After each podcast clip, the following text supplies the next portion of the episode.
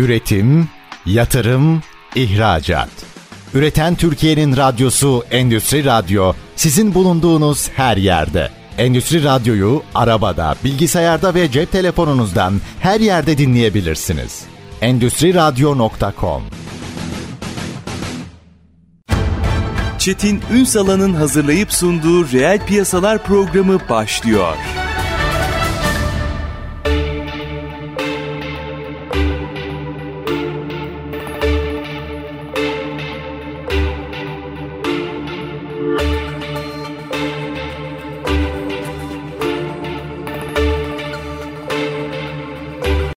Reel piyasalardan merhabalar. Türkiye'nin gerçek gündeminde birlikteyiz efendim. Şimdi bugün Türkiye'nin üretimle dönüşmesini konuşacağız. İşvereni mercek altına alacağız. Bu dönüşümü, üretenleri, COBİ'lerin, çalışanların oluşturduğu üretim sektörü aktörlerinin geliştirilmesini hepsini mercek altına alacağız. Aslında mesela bu son yaşadığımız acı olayı bile sararken dönüp ne üretiyoruz? Elimizde ne var? Değil mi? Buna bakıyoruz. İşte bakın orada bir vinç lazım. Bakıyoruz işte vinçle ilgili firmamız var mı?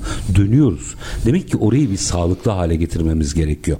Bunun da ötesinde tabii birliktelik önemli. O birlikteliğin ortak akıl üretiyor olması önemli. Bu açıdan baktığımızda bugün ağırladığımız Tisco'nun mesela bakış açısını, hedeflerine, birlikte yürümenin biraz önemini de mercek altına alacağız. Kıymetli bir konumuz var. Çok şey konuşacağız bugün. Tüm İşveren Sendikaları Konfederasyonu, Tisco Teşkilat Başkanı ve Genel Başkan Danışmanı Yasin Onar. Bugün reel piyasaların konu. Sayın Onar yayınımıza hoş geldiniz efendim. Teşekkür ederim. Hoş bulduk efendim. Var olunuz. Üstad iş dünyasını biraz konuşalım.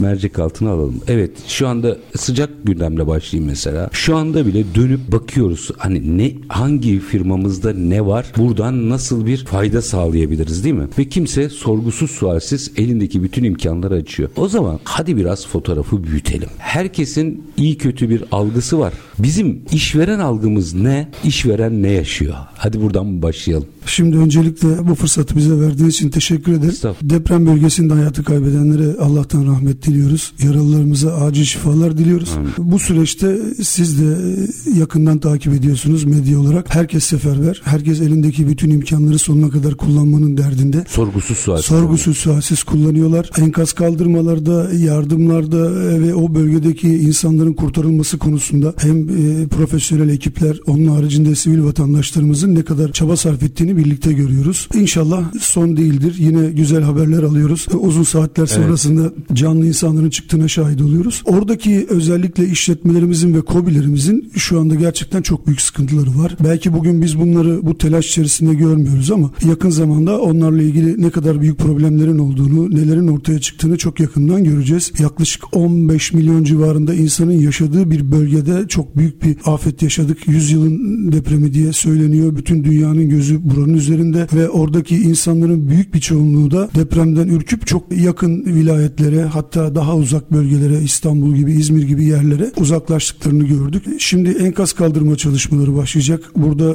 iş makinelerine çok ihtiyacımız var. Burada iş gücüne çok ihtiyacımız var. Artık enkazın içerisinden canlıları çıkarttıktan sonra artık o enkazda geriye dönüştürülebilir birçok malzemenin de tekrardan üretime ya da sanayiye katılması gerekiyor. İşte demiri var, plastiği var, bakırı var. E bunların yanında inşaatın içerisinden çıkan plastiklerin haricinde bir sürü geriye dönüştürülebilir malzeme var. Artık oradaki kobilerimizin de şu anda gördüğümüz en büyük problemi personel açığı olacak. Doğru. Tekrar hayata döndüklerinde, çalışmaya başladıklarında bu personel açığını kapatamayacaklar gibi görünüyor. Yani en kısa sürede aslında bazı şeyleri normalleştirmemiz gerekiyor. Tabii ki kayıplarımız çok büyük ama orada mesela bu şimdi konuşulmuyor ama çok kısa zaman bir ay sonra orada tekrar mesela üretimin başlaması ve hayatın normale Sırf bina değil ki hadi binaları yeniden yapalım. Hayat işte Doğru. burada galiba reel sektöre ben hep reel sektör dediğimde öyle algılıyorum. İşvereniyle, çalışanıyla onlar üretim ekonomisinin aktörleri. Çok doğru söylüyorsunuz. Reel sektör yaşayan bir sektör aslında. Şimdi oradaki kobilerimizin ya da oradaki işletmelerimizin sorunları aslında bugün başlıyor. Biz bir kaderci milletiz demeyelim ama şunu hep söyleriz. Her ne gelirse başımıza bir süre sonra artık hayat devam ediyor. Biz bu hayatın içerisindeyiz ve artık bazı şeylerin yaşanması gerekiyor. Şimdi enkazın başında istediğiniz kadar bekleyin. Bir süre sonra karnınız acıkıyor. Bir süre sonra susuyorsunuz. Hayat Su ihtiyacınız var. İşte kendinizin özel işte banyo ihtiyacınız oluyor, tuvalet ihtiyacınız oluyor. Artık insanız bu ihtiyaçlarımız devam ediyor ve bunun yanında yaraların sarılması için de çok acil bütün herkesin inisiyatif alarak artık hayatına devam etmesi lazım. Yalnız şunu eklemek istiyorum. Biz e, deprem kuşağında olan bir ülkeyiz ama bütün sanayimizi özellikle İstanbul ve çevresini deprem bölgesine kurmuşuz. Güneydoğu'daki sanayimiz özellikle işte Gaziantep, Şanlıurfa, bunun yanında Adıyaman, Adana, Osmaniye, Maraş gibi bölgelerde çok büyük sanayi kuruluşlarımız var ve hepsi deprem bölgesinde ve deprem kuşağında olmuş. Bizim depremden hiç etkilenmeyecek özellikle İç Anadolu bölgesinde Konya ve Karaman var. Biz oralara çok büyük sanayi kentleri kurabiliriz. Çünkü depremde sanayiniz etkilendiğinde bütün ülkeniz etkileniyor. Bunları bertaraf edebilmek için sanayi ve iş gücünün çok daha az bu doğal afetlerden etkilendiği bölgelere kurulması yönünde bir takım çalışmalar yapılması gerekiyor. Biz de TİSKO olarak bunu destekliyoruz. KOBİ'lerimize de bu bölgelere gitmeleri ve bu bölgelerde yatırım yapmaları konusunda tavsiyelerde bulunuyoruz ve devletimizden de bunlarla ilgili de teşvikler bekliyoruz. Yani bu bölgelere gitmek isteyen, bu bölgelerde yeni yatırımlar yapmak isteyen, yeni iş sahaları ya da yeni organize sanayi bölgeleri kurmak isteyen işletmelerimize teşviklerini bekliyoruz. Şimdi bu bölgede dediğim gibi büyük bir personel açığı olacak. İşletmelerimizin büyük giderleri olacak. E, biz bu konuda devletimizden maddi anlamda da büyük destek bekliyoruz. Sizler de takdir ediyorsunuz. Pandemi döneminde işsizlik sigortası fonu devreye girmişti. Doğru. Biz yine bu işsizlik sigortası fonunun o bölgedeki işletmelerin personel giderleri konusunda destek olmaları açısından önemli olduğunu düşünüyoruz. Özellikle KOBİ'lerimizin ayakta durması gerekiyor. Onları toparlarsak en azından kalanları çabuk toparlayacağız. Tabii Ekonomiyi ki. de çabuk toparlayacağız. Tabii ki e, şimdi 3 milyon 600 bin civarında KOBİ'miz var ve bu KOBİ'lerimiz her geçen gün biraz daha büyüyorlar. Bu büyümeleri gerçek gözle görülür bir şekilde devam ediyor. Yani ihracatın içerisinde de çok büyük payları var. Şimdi bazı rakamlar var onları vereceğim Lütfen. özellikle. Mesela KOBİ'lerimiz 2021 yılında 16 milyar liralık ithalat yapmış özellikle Avrupa Birliği ülkelerinden ama buna karşılık yaklaşık 32 milyar dolarlık bir ihracatı var Avrupa ülkelerine. Yani bizim kobiler e, dış ticaret fazlası Evet, veriyor. Evet evet yani aslında Önemli. buradaki güzellik nedir? İthalatımız düşüyor kobiler olarak. Yani ithalatımızda yaklaşık %20'lik bir düşüş var ama ihracatımızda da %60'lık bir artış var. Yani biz yerli ham madde kullanarak büyümenin derdindeyiz. Yani birlikte kazanalımın derdindeyiz. Özellikle tüm işveren sendikaları konfederasyonu olarak bünyemizdeki bütün sendikalarla birlikte biz yerli ham madde kullanalım. Kendi insanımız kazansın. Biz birlikte Türkiye'yi büyütelim istiyoruz. Gayemiz de bu. Aslında bu hedef doğrultusunda biraz bakmak lazım. Galiba burada ortak hareket edebiliyor olmak lazım. Size şimdi konfederasyon olarak da böyle bir misyon da üstleniyor. Çünkü bir sürü sendikanın veya federasyonun aslında aynı anda nabzını tutabiliyorsunuz. Birlikte dönüşebilmek açısından baktığımızda bunu biraz açalım mı? Yani mesela TİSKO ne yapıyor bu konuyla ilgili? Biraz TİSKO ile ilgili de bilgi verirseniz sevinirim. Şimdi TİSKO ne yapıyor? TİSKO kendi bünyesinde 8 tane kurulu sendikası var. Mesela bu sendikalardan biraz bahsetmek istiyorum. Örneğin Ticaret ve Büro İşverenleri Sendikamız var ve bu alanda gayet iyi güzel faaliyetler yapıyor. Mesela Tarım, Hayvancılık ve Balıkçılık İşverenleri Sendikamız var. TARİS. Bu da kendi alanında tarımla, hayvancılıkla ve balıkçılıkla ilgili sorunlarla mücadele konusunda ve eğitimler konusunda güzel faaliyetleri var. Turizm, Lokanta ve Spor İşverenleri Sendikamız vardı. Şimdi bu sendikamız yaklaşık bir hafta kadar önce bir genel kurulu gerçekleştirdi ve Turizm, Lokanta, Kantin ve Kafeterya İşverenleri Sendikası olarak değiştirdik. Bunlar da yine aynı kendi sektöründeki faaliyetlerle ilgili ve eğitimlerle ilgili güzel çalışmaları var. Ulaştırma ve Servis İşverenleri Sendikamız var. Emlak ve İnşaat İşverenleri Sendikamız var. E-Ticaret İşverenleri Sendikamız var. Biliyorsunuz son zamanlarda Hmm, ticaretin enteresanmış bu. Ticaretin en çok döndüğü e-ticaret yani internet üzerinden alışverişlerle alakalı işlemlerin yapıldığı e-ticaretle ilgili e-ticaret işverenleri sendikamız var. Bilişim güvenlik ve elektronik işverenleri sendikamız ve aynı zamanda dün genel kurulunu yaptığımız yeni kurulan elektronik spor işverenleri sendikamız var. Bu internet kafeler üzerinde faaliyet gösteren işte elektronik sporlarla bu oyunlarla ilgili faaliyetler gösteren bir sendikamız var. Biliyorsunuz Çok, çok, yakın bir zamanda dağılımınız var ama yani Evet. tarım var, ulaştırma var, emlak, gayrimenkul var, turizm var. Bir de yeni sektörler var. Üç sendika daha kurmak için faaliyetlerimiz devam ediyor. Tekstil işverenleriyle ilgili bir sendika kurma faaliyetlerimiz var. Sağlık ve sağlık turizmiyle ilgili de bir sendika kurmak iyi. için çalışmalarımız var. Evet yani bununla ilgili çalışan ekiplerimiz var. Genel merkez yöneticilerimiz var. Sağ olsunlar onlar sağlık turizmiyle ilgili güzel faaliyetlerde bulunuyorlar ve sağlık turizmi şu anda Türkiye'nin önündeki en büyük turizm e, alanlarından bir tanesi ve bununla ilgili faaliyetleri de sürdürmek için işverenlerimizin sorunlarını dile getirmek büyümek, birlikte büyümek için de sendikalaşmaların önündeki engellerin kaldırılarak onların birlik ve beraberlik içerisinde büyümesini istiyoruz. Mesela metal işverenlerle ilgili bir sendika Geliyor mu da? faaliyetimiz var. Evet bu da geliyor. Yaklaşık 3 tane daha sendika geliyor. Yani 19 iş kolunun tamamında işverenlerimizi bir araya getirecek faaliyetlerimiz var. Bunlarla ilgili çalışıyoruz. TİSKO kendi bünyesindeki sendikalarla birlikte büyüdüğü gibi biz diğer paydaşlarla da görüşme ve onlarla ilgili de önümüzdeki dönemde nasıl adımlar atabiliriz planlıyoruz. Bununla ilgili hem KOBİ'lerimizi büyütmek, KOBİ'lerle beraber küçük işletmelerimizi KOBİ haline getirmek, onları da oyunun içerisine dahil etmek için çaba sarf ediyoruz. Burada Tisko'yu biraz incelerken en çok dikkatimi bu çekti. Mesela büyük işletmelerin hani ilk 500 diyelim. Mesela onların böyle yapılanmaları var ama Türkiye'deki işletmelerin %90'ını oluşturan KOBİ'lerde bu tip bir yapılanma bu kadar etkin yoktu. Şimdi bu açıdan bence bambaşka bir rol geliyor üzerinize. Evet şimdi, şimdi şunu söyleyeyim. Eğitim, rekabetin normal olması, sürdürülebilirlik size düşüyor iş. Evet yani biraz önce rakam verdim. 3 milyon 600 bin kobi var ve biz Türkiye'deki üretimin ve sanayinin bel kemiğiyiz aslında. Yani yaptığımız üretimle ya da Türkiye'deki sanayiye yetiştirdiğimiz kalifiye elemanla biz şu anda Türkiye'de yaklaşık 60 yıldır ortada olan bir boşluğu doldurmak için yola çıktık. Yani 2016 yılında biz kobilerin sesi olalım diye attığımız adımları bugün daha düzgün, daha kaliteli ve daha planlı atmaya başladık. Biz kobilerin sesi olmak istiyoruz. Bugün büyük sanayi üretimlerini yapıyor ama o büyük sanayinin ürettiği bütün yan malzemeleri biz üretiyoruz. Bugün şöyle söyleyeyim hani bir çamaşır makinesi, bir bulaşık makinesi, bir beyaz eşya, bir televizyon üreten çok büyük yatırımcılar, büyük sanayi devleri bile orada kullandıkları malzemelerin yaklaşık %70'ini bizden tedarik ediyor. Yani bunun yanında biz kalifiye elemanların, yetişmiş elemanların okulu gibiyiz aslında. Doğru. Onları biz yetiştiriyoruz. Şimdi önümüzdeki dönemde hep söylediğimiz bir sorunla karşı karşıya kalacağız. Belki bugün değil ama 2030'lu yıllarda ara eleman dediğimiz yani yetişmiş, çekirdekten yetişmiş ya da hani üniversite mezunu olmayan daha önce Avrupa projeleri vardı. MIT dedikleri bir proje vardı. 19-29 yaş arası ne çalışma hayatında ne eğitimde olmayan gençlerimiz var. %26 oranı. Aynen Aşağı öyle. E, biz bunların da üretime katılmasını istiyoruz. Bu çocuklar, bu gençler heba oluyor. Bunu biraz açalım mı? Şimdi bu çok kritik bir proje. Çünkü bunu özellikle altını çizim dinleyicilerimiz açısından. Evet Türkiye'de işveren sendikaları var vesaire ama siz çok Türkiye'nin can damarı bir yerdesiniz. Kimsenin fazla konuşmadığı ama aslında ekonomiyi yöneten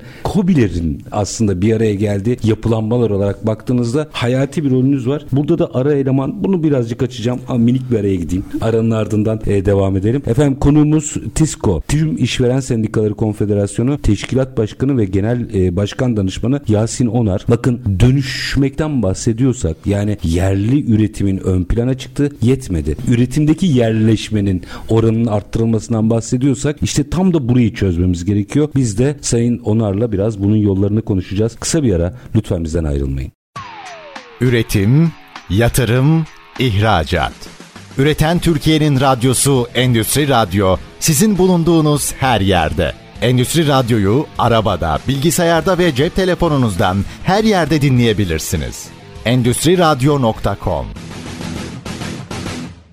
Kısa bir aranın ardından reel piyasalarda tekrar sizlerle birlikteyiz. Konuğumuz TİSKO, Tüm İşveren Sendikaları Konfederasyonu Teşkilat Başkanı ve Genel Başkan Danışmanı Yasin Onar. Aslında KOBİ'lerin sendikalaşmasını konuşuyoruz işveren sendikası olarak. Ama şunu yarım bırakmayalım. Ara personel meselesine bence hatta onlar hala ana personel ama hadi tabir edildiği şekliyle devam edelim. Ara personel meselesini biraz açalım. %26'ya yakın gerçekten ne eğitim hayatında ne iş hayatında olmayan gencimiz var. Reel sektöre dönüyorsun. Orada da personel sıkıntısı var. Biz bir türlü birleştiremiyoruz. Çok güzel bir veri paylaştınız. 2030 alarm veren yıl. Terse dönüyor iş baya. Orayı biraz konuşalım mı? Açalım mı? Şimdi Kobiler e, ne yaşıyor orada? Evet yani aslında KOBİ'lerimiz biraz önce söylediğim gibi bu ara eleman yetiştirme konusunda bir okul gibi. Biz şunları istiyoruz ki organize sanayi bölgelerinde özellikle iş başında eğitim adı altında çıraklık eğitim merkezlerinin ya da bunlar gibi diğer yapıların aktif hale gelmesi. Bununla ilgili güzel çalışmalar var. İşkur yapıyor. İşte Milli Eğitim Bakanlığı yapıyor. Biz de bunları yakından takip ediyoruz. Ama biz birlikte dönüşmemiz gerekiyor. Özellikle ülkemizi ayağa kaldırmak için işçi ve işveren birlikte hareket etmek zorunda olduğumuzu her yerde söylüyoruz. Biz işçiyi hiçbir zaman için bizden bağımsız halde düşünmüyoruz. Şu anda işçiyi işverene kötü gösteren, işverene işçiyi kötü gösteren bir takım yapılar ve organizasyonlar var. Bunlar kesinlikle ne kobilerimizin ne işverenlerimizin işçiye bakışını ne işçinin de işverene bakışını etkilemiyor. Biz kazan kazan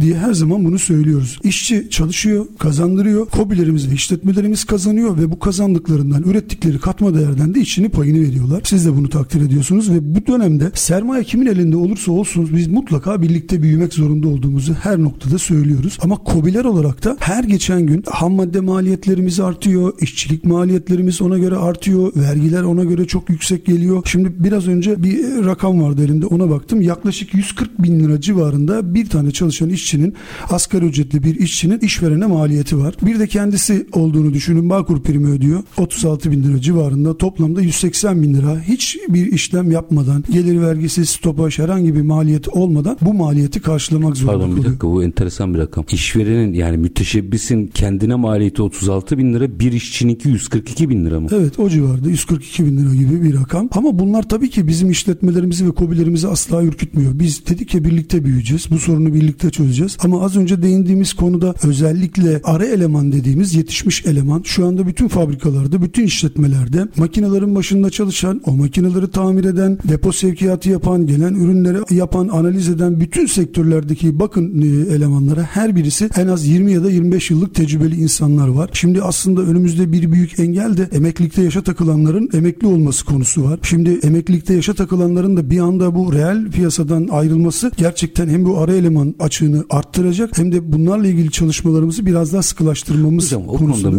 müsteri oluyor. Yani o maaşlarla kimse çalışmadan yaşayamaz. Yine çalışmaya devam edecek. Bence son derece müsteri olun o konularda. Yani tabii ki çalışmaya devam edecekler ama bunların hepsi çok küçük de olsa bir takım negatif etkiler yapacak. Reel piyasaları etkileyecek. Ya şu anda yaklaşık olarak 55 tane bağımsız işveren sendikası var. Biz onlarla da temas etmek istiyoruz. Onlara da buradan çağrı yapıyoruz. Konfederasyonun çatısı altında birlikte hareket etmemizin ne kadar önemli olduğunu her zaman için dile getiriyoruz ve bunun yanında henüz işveren sendikalarına üye olmamış kobilerimize ve küçük işletmelerimize konfederasyonumuzun çatısı altındaki sendikalarda da buluşmalarını ve orada birleşmelerini tavsiye ediyoruz. Çünkü birlikte olduğumuz zaman sesimiz daha gür çıkacak. Şurada küçük bir örnek vereyim. Asgari ücret tespit komisyonunu hepimiz biliyoruz. Orada üçlü bir organizasyon var. Bir tanesi devlet. Devletimiz orada. Birisi e, işveren sendikaları Sendikası. konfederasyonu TİSK. var. Bir de işçi kesimini temsil eden Türk İş var. Takdir edersiniz ki bu üçlü organizasyonda asgari ücretle çalışan işçi sayısı çok az. Belki yok denecek kadar az. Doğru, doğru. Şimdi devlet kendisi asgari ücretle personel çalıştırmıyor. İşveren sendikalarına bağlı yaklaşık 20 tane sendikaları ve Türkiye'deki büyük işletmelerin olduğu işveren sendikaları İlk binimiz gibi. İlk binimiz gibi. Onların da kendi çalışanlarının büyük bir çoğunluğu asgari ücretin üzerinde iş alıyorlar, çalışıyorlar. E bunun yanında Türk İş sendikalı işçilerin en çok olduğu en büyük konfederasyonumuz, işçi sendikaları konfederasyonumuz. Burada da asgari ücretle çalışan sayısı çok az. Ki Türk İş Başkanımız söyledi. Evet aynen. Yani bu üçlü oturduğu Benden zaman alın bunu dedi hatta. Aynen. Hatırlıyorum. E Şimdi asgari ücret tespit komisyonunda asgari ücretle hiç ilgisi olmayan 3 aktör masada bunu belirliyor. Biz istiyoruz ki KOBİ'lerin de sesi olsun. Konfederasyonumuz da orada olsun. Asgari ücret belirlenirken işverenlerin ve KOBİ'lerin üzerindeki maliyetlerin de birazcık daha gün yüzüne çıkmasını istiyoruz. Ve burada gerçekten teşviklerin ne kadar önemli olduğunu bir kez daha görüyoruz. Biz Türkiye'nin bel kemiği olan ara elemanı yetiştiren dediğim gibi okullarız. Bu konuda desteklenmemiz gerekiyor. Eğer biz bu personeli yetiştiremezsek, biz KOBİ'ler olarak reel piyasalara kalifiye elemanları, kaliteli elemanları katamazsak bu yarın o büyük diye tabir ettiğimiz işletmelerde de çok büyük sorunlar ortaya çıkaracak. Bu arada ürün yerleşmesi açısından baktığımızda kobilerin olmadığı bir fotoğrafta bir üründeki yerlilik payının artması mümkün değil. Evet çok doğru söylüyorsunuz. Yani Bunun da tartışılması lazım. Evet yani Türkiye'de üretim ile dönüşmemiz gerekiyor. Siz bunu e, daha önce söylediniz zaten. Yani ülkemizi ayağa kaldırmak için işçi ve işveren birlikte çalışmamız gerekiyor dediğimiz gibi yerli ham maddeye de yönelmemiz lazım. Biz ürettiğimiz e, değeri, ürettiğimiz nakdi ithalata harcamamamız lazım. Aslında hesap ortada. Şu anda evet diyoruz ki 254 milyar dolar ihracat yaptık ama mesela bir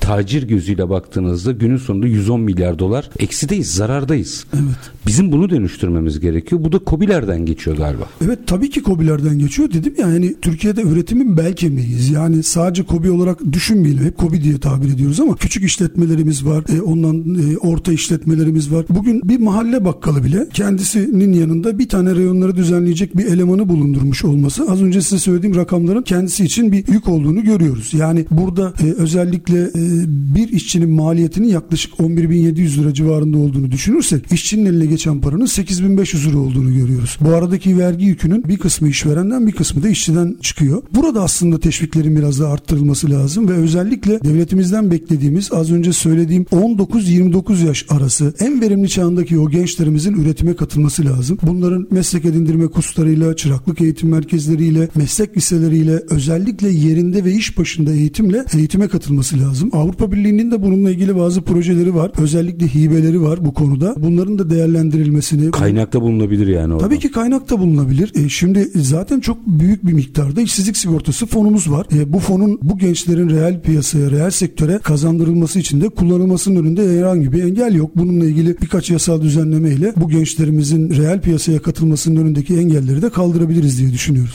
Üstad orada bir noktayı daha açmanızı rica edeceğim ama ilk önce bir bilinçlenmeden bahsediyorum. Mesela sendika deyince tabii yani bizim yaş grubunda aşağı yukarı herkesin kafasındaki bellidir. Hep çalışan sendika. Mesela işveren sendikasının ne olduğunu çoğu insan dernek statüsünde bakar meseleye. Ben Türkçesini söyleyeyim. Halbuki orada çok farklı bir yapı var. Hele mesela sizde konfederasyon deyince çok daha bir işveren sendikası ne yapar, niye önemlidir? Şimdi aslında şuradan hemen bir örnek vereyim. Mesela köy dernekleri vardır bizim hep mahalle aralarında görürüz. Neden köy derneklerimiz var? O köylerde ortaya çıkan bir düğünde, bir cenazede ya da herhangi bir kutlamada falan onların bir araya gelerek organizasyon yapmasını sağlar bu Yapı. dernekler, bu yapılar. Ne yaparlar? İşte cenaze olduğunda otobüs temin ederler, oraların yemeklerini organize ederler. Şimdi o dernekler gibidir aslında sendikalar. Sendikanın tanımını yapmak lazım aslında. Şimdi söylüyoruz sadece işçilerin oluşturduğu bir grup gibi geliyor ama aslında öyle değil. İşçi ya da işverenlerin diye başlıyoruz sendikayı tanımlamaya. Bu arada İzmir İktisat Kongresi'nin 10. maddesidir sendikalaşma. Şimdi ondan bahsedecektim. Ha, öyle mi? Siz lafı aldınız hemen. Şimdi sendika dediğimizde işçi ya da işverenlerin ayrı ayrı olmak üzere iş, kazanç, toplumsal ve kültürel konularda ve bu yönlerde çıkarlarını korumak. Bakın çıkarlarını korumak, yeni haklar sağlamak ve onları geliştirmek amacı ile yasalara uygun kurdukları birliklere denir bu. Yani işçi ya da işveren burada ayrım yapmıyoruz. Şimdi Gazi Mustafa Kemal'in İzmir İktisat Kongresi'ni aslında okullarda okutulması lazım. Evet, evet. Bunu bütün işverenlerimizin, bütün kobilerimizin hatta bütün gençlerimizin iş hayatında bilmesi gerekir. Şimdi orada çok güzel bir ifadesi vardır. Oradan küçük bir metin okumak Lütfen. istiyorum. Şimdi bu dakikada dinleyicilerim çiftçilerdir, sanatkarlardır, tüccarlardır ve işçilerdir. İlk defa işçi kelimesini telaffuz eden Gazi Mustafa Kemal Atatürk. Yine 9. maddede amele değil Amele işçi değil, olacak. işçidir diyor. Yani amele kelimesini kaldırıyor. Aslında işçinin Statü koyuyor Evet, aslında. statü koyuyor aslında. Ve şöyle devam ediyor. Bunların hangisi birbirine karşıt olabilir? Çiftçilerin sanatkara, sanatkarların çiftçiye, çiftçilerin tüccara ve bunların hepsi birbirine ve özellikle işçiye muhtaç olduğunu kim inkar edebilir? Şöyle devam ediyor. Bugün var olan fabrikalarımızda ve daha sonra çok olmasını umduğumuz fabrikalarımızda kendi işçimiz çalışmalıdır. Rahat ve mutlu olarak çalışmalıdırlar ve bütün bu saydığımız sınıflar aynı zamanda zengin olmalıdır. Bakın burası çok önemli. Birlikte zenginleşmekten Zengin olmalıdır ve hayatın gerçek lezzetini tadabilmelidir. Çalışmak için kudret ve kudret bulsunlar. Yani Gazi Mustafa Kemal bunu o kadar güzel özetlemiş ki bize 17 Şubat 23. 1923'te. Yani o İzmir İktisat Kongresi'nde dediğim Cumhuriyet gibi yok da. Cumhuriyet Evet ilan edilmemiş. cumhuriyet yok. Yani sendikadan bahsetmiştir. İnsanların birlik beraberlik içerisinde olmasından bahsetmiştir. Hatta Nazilli'de bir basma fabrikası kuruluyor. O gün kurulan basma fabrikasının özelliklerine baktığımızda işte müzik odaları, sanat odaları, işte dinlenme alanları, işte yani işçilerin rahat çalışabilmesi için öyle imkanlar sunmuşlar ki hatta şöyle derler. Fabrikadaki şarter kaldırılıp makineler çalışmaya başladığında büyük bir gürültü ve uğultu çıkar. O arada Gazi Mustafa Kemal gözlerini kapatır ve o sesi dinlemeye başlar ve der ki bu bugüne kadar duyduğum en güzel ses diye söyler. İşte biz üretimi Bizim galiba o çark sesini müzik olarak algılayabilecek ruha tekrar kavuşmamız gerekiyor. Aynen öyle. Burada bir şey daha açmanızı rica edeceğim o zaman. Şimdi demin dediniz ya işte asgari ücretle çalışıyor. Şimdi asgari ücret yetiyor mu? Yetmez. Fakat filmi tersten okumamız gerekiyor. Bizim bizim o kobiyi zenginleştirmemiz ya da para kazandırır hale getirmemiz lazım ki aşağıdaki insanı zenginleştirelim. Bu kurguyu birazcık kaçırıyoruz sanki ne dersiniz? Çok doğru söylüyorsunuz. Aslında kobileri dikilen bir fidan gibi düşünün Çetin Bey. Yani bir fidan dikiyorsunuz. O fidanın büyümesi için ne yapıyorsunuz? Onun yanına bir ağaç dikiyorsunuz rüzgar eğmesin diye. İşte dibindeki toprağı sürekli kabartıyorsunuz. Bir miktar gübre veriyorsunuz, suluyorsunuz. Amacınız o ağacın büyüyüp meyve vermesi, gölge yapması ve faydalı olması. Aslında kobilerimiz ve küçük işletmelerimiz de tıpkı o fidan gibi. Biz o fidanın büyümesi için destek bekliyoruz. Yani onun devrilmemesi için destek bekliyoruz. Onun büyümesi için işte sulanmasını istiyoruz, gübresinin verilmesini istiyoruz. Kobiler olarak biz büyüdükçe zaten işçimizi de büyütmek istiyoruz. Biraz önce düsturumuzun ne olduğunu anlattım. Yani burada çalışan işçilerimizin zenginleşmesi gerek diyor Gazi Mustafa Kemal. Onlar zenginleştiği zaman biz de zenginleşeceğiz diyor. Şimdi asgari ücret emekçi kardeşlerimiz için bakıldığında yetmeyecek rakamlar. Ama ters taraftan baktığımızda işverenlerimiz için de her gün karşılanması biraz daha zor hale gelen, üretimdeki daralma, ham maddedeki sıkıntılarla birlikte her geçen gün birazcık daha zora giren bir alan. Biz kobiler olarak, işletmeler olarak küçülmek istemiyoruz. Bu kelimeyi kesinlikle kullanmak istemiyoruz. Ekonomik sıkıntılardan dolayı küçülelim, işte personel çıkaralım. Hayır, biz istihdamın arttırılmasından yanayız. Bünyemizdeki bütün sendikalara, özellikle onlara bağlı iş yerlerine de bunu tavsiye ediyoruz. Hepimiz büyüyelim, birlikte büyüyelim, birlikte kazanalım. Ürettiğimiz değerden de birlikte payımızı alalım istiyoruz. Nasıl sorusunun biraz açacağım. Minik bir araya gideceğim. Ama şu anda söylediklerinizden şunu anlıyorum ki biz fidandan meyve bekliyoruz. Problem bu. Problem bu. Önce Aynen. bir fidanın ağaç olması ve Aynen meyve öyle. verecek noktaya gelmesi gerekiyor. Burayı birazcık açacağım. Tabii bütün bu fotoğraf içerisinde birlikte hareket edebilme meselesini biraz konuşmak istiyorum. Hani özellikle şu işçi işveren meselesini açtım ki aslında o bir uzlaşı kültürünün parçası olması lazım bu sendikalar. Oturup konuşabilmenin yolu aslında bu. en önemlisi bu. Bunları da biraz açmak istiyorum ama minik bir aranın ardından efendim tüm işveren sendikaları konfederasyonu TİSKO Teşkilat Başkanı ve Genel Başkan Danışmanı Yasin Onar'la sohbetimiz devam edecek. Kısa bir ara lütfen bizden ayrılmayın. Üretim, yatırım, ihracat. Üreten Türkiye'nin radyosu Endüstri Radyo sizin bulunduğunuz her yerde. Endüstri Radyo'yu arabada, bilgisayarda ve cep telefonunuzdan her yerde dinleyebilirsiniz. Endüstri Radyo.com Kısa bir aranın ardından reel piyasalarda tekrar sizlerle birlikteyiz efendim. Konuğumuz TİSKO, Tüm İşveren Sendikaları Konfederasyonu Teşkilat Başkanı ve Genel Başkan Danışmanı Yasin Onar. Tam bam teline geldik biraz açalım. Şimdi aslında üretim ekonomisinin aktörlerini bir arada değerlendirmek gerekiyor. Bu açıdan baktığımızda da sendikaların aslında bir çatışma değil birlikte konuşabilme ve uzlaşı noktası olması gerektiğini düşünüyor. Bizim galiba bu kültürü biraz geliştirmemiz lazım ne dersiniz? E, Çok doğru söylüyorsunuz. Aslında birlikte büyümemiz gerekir derken biz bunu da kastediyorduk. Yani Türkiye'deki büyük işletmeler, küçük işletmeler diye ayırmıyorum. Her birisinin ihracatı da ithalatı da katkısı var. Şimdi 2021 yılında KOBİ'lerin doğum oranı dediğimiz yeni KOBİ üretmesi ya da yeni işletme üretmesinin oranı %16.1. Yani Türkiye'deki girişimlerin %16.1'i KOBİ'ler sayesinde olmuş. Bu veriler hep TÜİK'ten aldığımız veriler. Şimdi istihdama katkımız da 2021 yılında 7.7 olmuş. Yani bunları her geçen gün arttırdığımızın belgeleri bunlar. KOBİ'lerimizin ihracattaki payı %30.4. Yani çok aslında büyük bir rakam. Bunun TL karşı da 50 milyar, 57 milyar dolara tekabül ediyor. Yani beşte birini neredeyse Aynen. kobiler yapıyor. Yo yaklaşık olarak üçte bir diyelim. Çünkü 50, 250 ha, rakam olarak Ha, bu tabii, tabii, ama yüzde rakam. olarak da yüzde otuzuna tekabül Orada ediyor. dolaylı ihracatlar var. Onlar o rakamlarda gözükmüyor. Aynen öyle. Yani işte ben size aslında bir şekilde malzeme vermişim. Siz ihraç etmişsiniz. Onlar o rakamın artısı olması Aynen lazım. öyle. Artısı çok doğru söylüyorsunuz. İşte birlikte büyümek diyoruz ya hep amacımız da bu. Şimdi işçi işveren çeki- çekişmelerinden ya da çelişkilerinden de kurtulmak istiyoruz artık. Bununla ilgili bir takım yasal düzenlemeler de istiyoruz. Mesela işletmelerimizin önündeki en büyük sıkıntılardan bir tanesi de kıdem tazminatı olayı.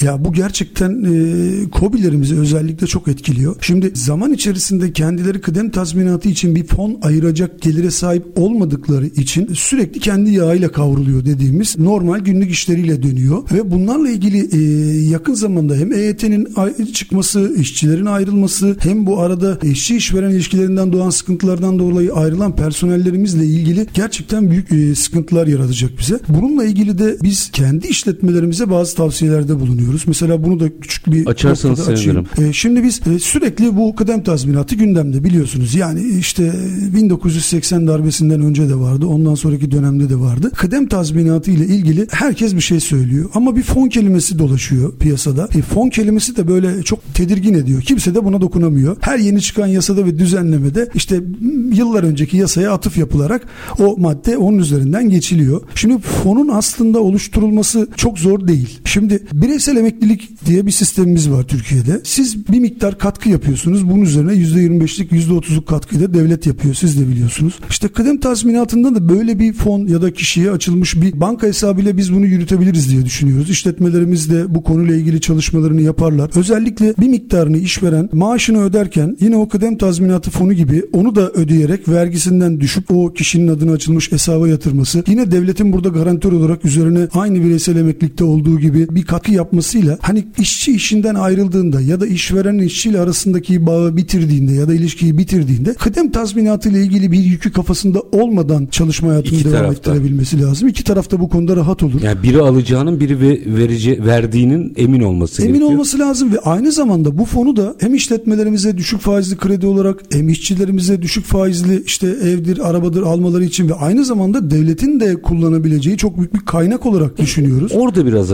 akıllar karışıyor. Yani çünkü hani fonlar birbirine girdiği için orada mesela özel bir yapı isteniyor. O fonu hani o para orada dursun deniyor. Ya şöyle söyleyeceğim aslında yani burada biraz güven esası var. Biz devletimize güvenmemiz lazım. Şimdi zorunlu tasarruf fonu vardı. Rahmetli Turgut Özal zamanında çıkmıştı. E, fon tamamen ortadan kalktı ve parası hiçbir yerde yoktu. Ama devlet güvencesinde olduğu için bu paralar ödendi. Ödendi doğru. Biz devletimize güveniyoruz. O güvenceyi aldığında o fonu nasıl kullanırsa kullansın. Sonuç itibariyle biz oradan o fonumuzu alıyoruz. Tıpkı emekli maaşı gibi. Belki şunu açtım hani beyin fırtınası yapıyoruz. Şili modelinde vardı bu. Emeklilik fonlarının bir şekilde o ülkenin yine üreticisine dönerek para, çünkü para durduğu yerde erir. Evet aynı. Yani paranın bir maliyeti var ama hani nerede kullanılacağının belirlenmesi gerekiyor galiba. Mesela reel sektöre kullandı Şili ve çok o dönemde sonrasında sıkıntılar yaşadı ama o dönemde çok ciddi katkılar sağladı. Evet bunu Güney Kore'de de gördük. Onlarda Keza, da bu model evet. var. Güney Kore'de de hem bireysel emeklilikler hem kıdem tazminatları ve hem çalışanların oluşturduğu bu fonlarla çok güzel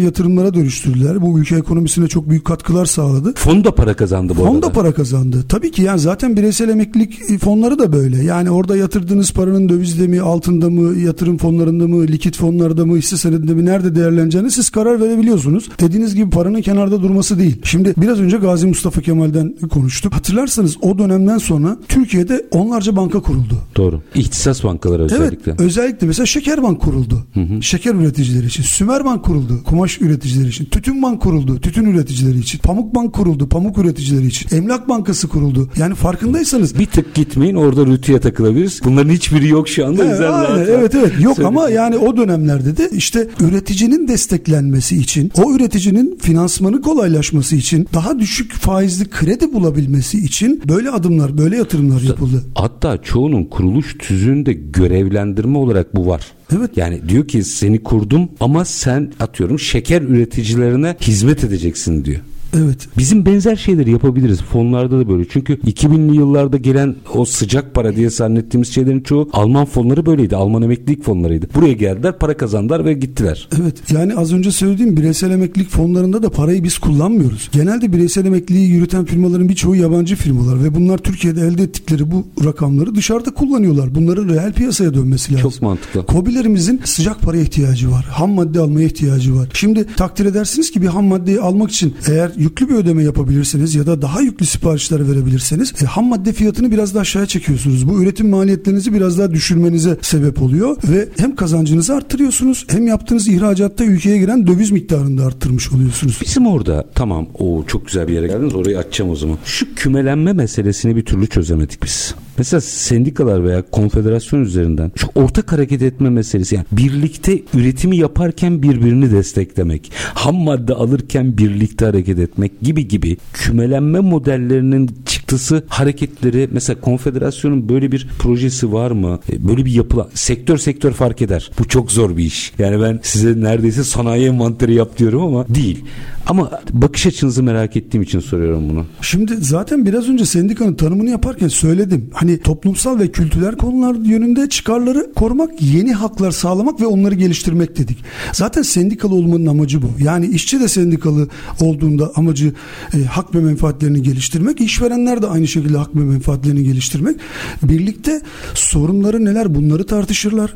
Bu sorunlara nasıl çözüm bulabilirler ve bu sorunları bir üstteki konfederasyona ilettiklerinde o konfederasyonlar Çalışma Bakanlığı'yla, Sanayi Bakanlığı'yla, Aile ve Sosyal Politikalar Bakanlığı'yla, gerekirse Cumhurbaşkanlığı'yla ilgili birimlere ilgili birimlerle yani. görüşerek bunları çözerler. Biz aslında buradan bakanlıklarımızla görüşme taleplerimizi de tekrar dile getirelim. Bunlarla ilgili girişimlerimizi de yapacağız. Onlarla görüşme taleplerimizi onlara ileteceğiz. Biz COBİ'lerimizin sorunlarını onlara da anlatmak istiyoruz. Birlikte çözüm bulmak istiyoruz. Ama hiçbir zaman için devletin eli COBİ'lerin üzerinden eksilmemesi lazım. Sürekli onların elini devletin o koruyucu yapısını o COBİ'lerimizin hissetmesi lazım. O gücü arkasında gördüğünde COBİ'lerin önünde hiçbir engel yok. Ta ki ağaç olana kadar diyorsunuz. Aynen öyle. COBİ'lerimiz o gücü, o devletin o koruyucu elini, o kucaklayıcı kol kanat germesini gördüğünde çok daha büyüyecektir. Bu tıpkı ailede çocukların büyüyüp gelişmesi gibi. Yani anne babanın o şefkatli kolların arasında olan çocuklar daha güvenli büyürler. Biz de devletimizden bunu bekliyoruz. COBİ'lerin desteklenmesini istiyoruz. Özellikle dediğim gibi Bağkur primlerinin çok yüksek olduğunu görüyoruz. İşçilik maliyetlerinin yüksek olduğunu görüyoruz. Biraz önce deprem bölgesinden bahsettik. Şimdi oradaki işletmelerimizin çok önünde önemli. çok büyük sorunlar ortaya çıkacak. Az önce söyledim yaklaşık 15 milyon insanı etkileyen bir deprem bölgesi ve şu anda resmi olmasa da yaklaşık 3 milyon civarında insanın o bölgelerden uzaklaştığını görüyoruz. Şimdi o insanların e, en az %20'sinin yani yaklaşık 600 binin oradaki aktif ve reel çalışanlar olduğunu düşünürseniz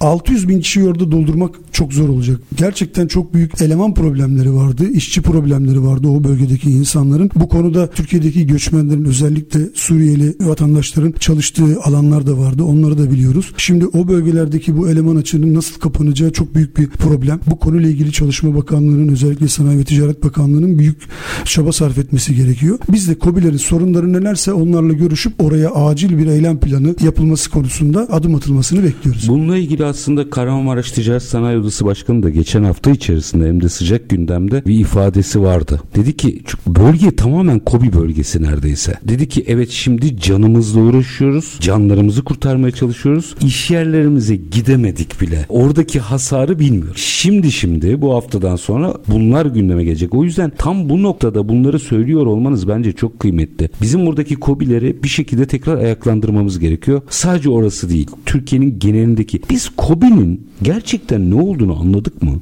Hani hep şöyle tanımlar yapıyoruz. 250 kişiye kadar işçi çalıştı falan. Bu tam hayır hayır. Hayatın kendisinden bahsediyorum. Gerçekten bir kobi niye önemli biraz anlatabilir misiniz bize? Şimdi az önce de örneğini verdim. Büyük işletmelerimizin e, her birisinin ürettiği ürünlerin e, yaklaşık yüzde 40 ya da 50 yardımcı malzemesini tedarik ettikleri yerler kobiler. Aslında onları destekliyor. Şimdi bugün o deprem bölgesindeki kobilerin çalışmadığını düşünün. O bölgedeki büyük sanayicilerin her birisinin bu sıkıntıları yaşayacağını görüyoruz. Çok basit bir örnek vereceğim. Otomotiv sektörü dünyada bir kriz içinde. Neden? Sadece bir çip problemi vardı değil mi? Nerede üretiliyordu? Tayvan'da üretiliyordu. O pandemi dönemindeki sıkıntılar işte ondan sonra orada üretimlerin azalmasıyla bütün dünyadaki büyük otomobil devlerinin ne kadar büyük sıkıntı çektiğini gördük. Şimdi çip krizi aslında bizim için bir örnek. Aynı şekilde düşünün. Yani bir çamaşır makinesinin hafıza kartını ya da beynini üreten bir küçük işletme düşünün. Kobi düşünün. Yıkıldı fabrikası. Şimdi onu üretemiyor. Şimdi çamaşır makinesi ve bulaşık makinesi ya da diğer elektronik eşyaların üretimindeki e, sıkıntıyı tahmin edebiliyoruz değil mi? Aynı bunun gibi. Yani zincirleme aslında. Çünkü bir zincirin bir halkaları gibi. Olmazsa ürün tamamlanmıyor. Ürün tamamlanmayacak. O parçayı bir kobi üretiyor. Bir kobi üretiyor. Aynen öyle. Şimdi bu kobi bunu üretecek. işletmesini açacak ama açtığı zaman belki personelinin bir kısmı depremde öldü. Yani Allah rahmet eylesin diyoruz. Evet yani belki bir kısmı öldü. Belki bir kısmı artık bölgede ikamet etmek istemiyor. Şehrini değiştirdi. Yani hayat her şey para değil çalışmak değil. Benim canım daha önemli. Çocuklarım daha önemli deyip o bölgelerden göçtü. Şimdi bunların her birisinin bir iki günde çözülmesi mümkün değil. Biz de bu konuda gerçekten devletimizin atacağı adımlara destek olmak zorundayız. Özellikle COBİ'ler olarak bunları dört gözle de bekliyoruz. Neler yapılabilir? Bununla ilgili nasıl adımlar atılacak? Nasıl bu toparlanacak? Bunu zaman içerisinde göreceğiz. Şimdi Gaziantep büyük bir sanayi bölgesi. Beş organizasyon. Şanlıurfa büyük evet. bir sanayi bölgesi. Adana, Osmaniye yine büyük bir sanayi bölgesi. Kahramanmaraş aynı şekilde Sırf sanayi, sanayi dedi ki sanayi, tarım vesaire tarım, o evet, kadar evet, çok evet. sektörü bir andırıyor ki. Çok büyük sektörler. Yani bunun içerisindeki her şey etkileyecek bizi. O yüzden başlangıçta bir şey söylemiştim hatırlarsanız. Konya ve Karaman bölgesi depremden en az etkilenecek bölgelerden bir tanesi. Artık bu tarz sanayilerin o bölgelere kayması için gerekli teşviklerin özellikle kobilerin ya da büyük işletmelerin desteklenmesi gerekiyor. Şimdi o bölgede olsaydı bizim sanayimiz şu anda yani Maraş bölgesinde ya da işte Antep ya da Urfa bölgesinde olmasaydı Konya Karaman bölgesinde olsaydı depremden en az etkilenecek bölgede olsaydı biz depremin ertesi günü şarter defterlerimizi kaldırır devam ederdik çalışmaya. Çünkü herhangi bir problemimiz olmazdı. Üretim devam ederdi. Çünkü o üretim Türkiye'deki üretimin yaklaşık %30'unu oluşturuyor. Siz az önce söylediniz. Yani o çarkın durması bizi çok etkileyecek. İhracatımızı etkileyecek. Aynı bunun yanında içerideki üretimi etkileyecek. Tarımı etkileyecek. Şu yanlış anlamamızın bu para değil. Bu acıları sarmanın ya da acılı dönemler olmasa da büyümenin finansmanı. Finansman evet çok doğru söylediniz. Yani o çarklar dönecek ki ülke bir yere gelsin ihtiyaçlarını karşılasın. Evet. Üstad bir dakikam var. Bir dakikada şunu almak isterim. Bir kere çok önemli bir yere atıfta bulunuyorsunuz. Yani COBİ'lerin bir araya gelmesi sendikalarda ya da konfederasyonlar e, çözüm önerilerinizle geliyorsunuz. Bundan sonra bizim ilk hamlemiz ne olmalı? Mesela konfederasyon olarak bu meseleye şey, deprem üzerinde değil, üretim ekonomisi üzerinde söylüyorum. Sizin bakış açınız ne? Birkaç cümle bunu almak istedim. Yani söylediğim gibi biz yeni haklar sağlamak ve onları geliştirmek amacıyla bir araya gelmiş, işverenlerin oluşturduğu, e, sendikaların bir araya gelip kurduğu bir konfederasyonuz. Buradan hem bağımsız işveren sendikalarına hem de henüz sendika ile tanışmamış KOBİ ve küçük işletmelerimize sendikaların ve konfederasyonun çatısı altında birlik içerisinde hareket etmelerini istiyoruz. Çünkü burada sorunlarımız ortak, büyüme hedeflerimiz ortak. Biz bu sorunları ve büyüme hedeflerini tek bir ağızdan dile getirmek istiyoruz ve her birisinin sesi olmak istiyoruz. Buradan tekrar onlara çağrı yapıyoruz. Konfederasyon ve sendikaların çatısı altında birlik ve beraberlik içerisinde hep birlikte büyük Türkiye'yi kuralım diyoruz. Müthişsiniz. Yani herkesin sorununu dile getirdiği bir yerde kakafoni, o sorunların toplanıp ortak ses hale geldiği yerde de çözüm çıkar. Çok doğru söylediniz. TİSKO Tüm İşveren Sendikaları Konfederasyonu Teşkilat Başkanı ve Genel Başkan Danışmanı Sayın Yasin Olar çok teşekkür ediyorum efendim. Ben teşekkür ederim efendim. Bu fırsatı bize verdiğiniz için teşekkür ederim. Kolaylıklar dilerim. Var olunuz. Teşekkür ediyorum. Efendim biz bugün Türkiye'nin üretimle dönüşmesinin yollarını konuştuk. Hem güncele baktık hem de aslında genelde prensipte çok az herkesin diline pelesenk olan ama çok az kişinin gerçekten konuştuğu kobilerin yapılanmasını aslında teşkilatlanmasının zeminini çağrı ile birlikte Sayın Onar'ın çağrısıyla birlikte sizlerle paylaştık. Biz her zamanki gibi bitirelim. Şartlar ne olursa olsun paranızı ticarete, üretime yatırmaktan, işinizi layıkıyla yapmaktan ama en önemlisi vatandaş olup hakkınızı aramaktan vazgeçmeyin. Hoşçakalın efendim.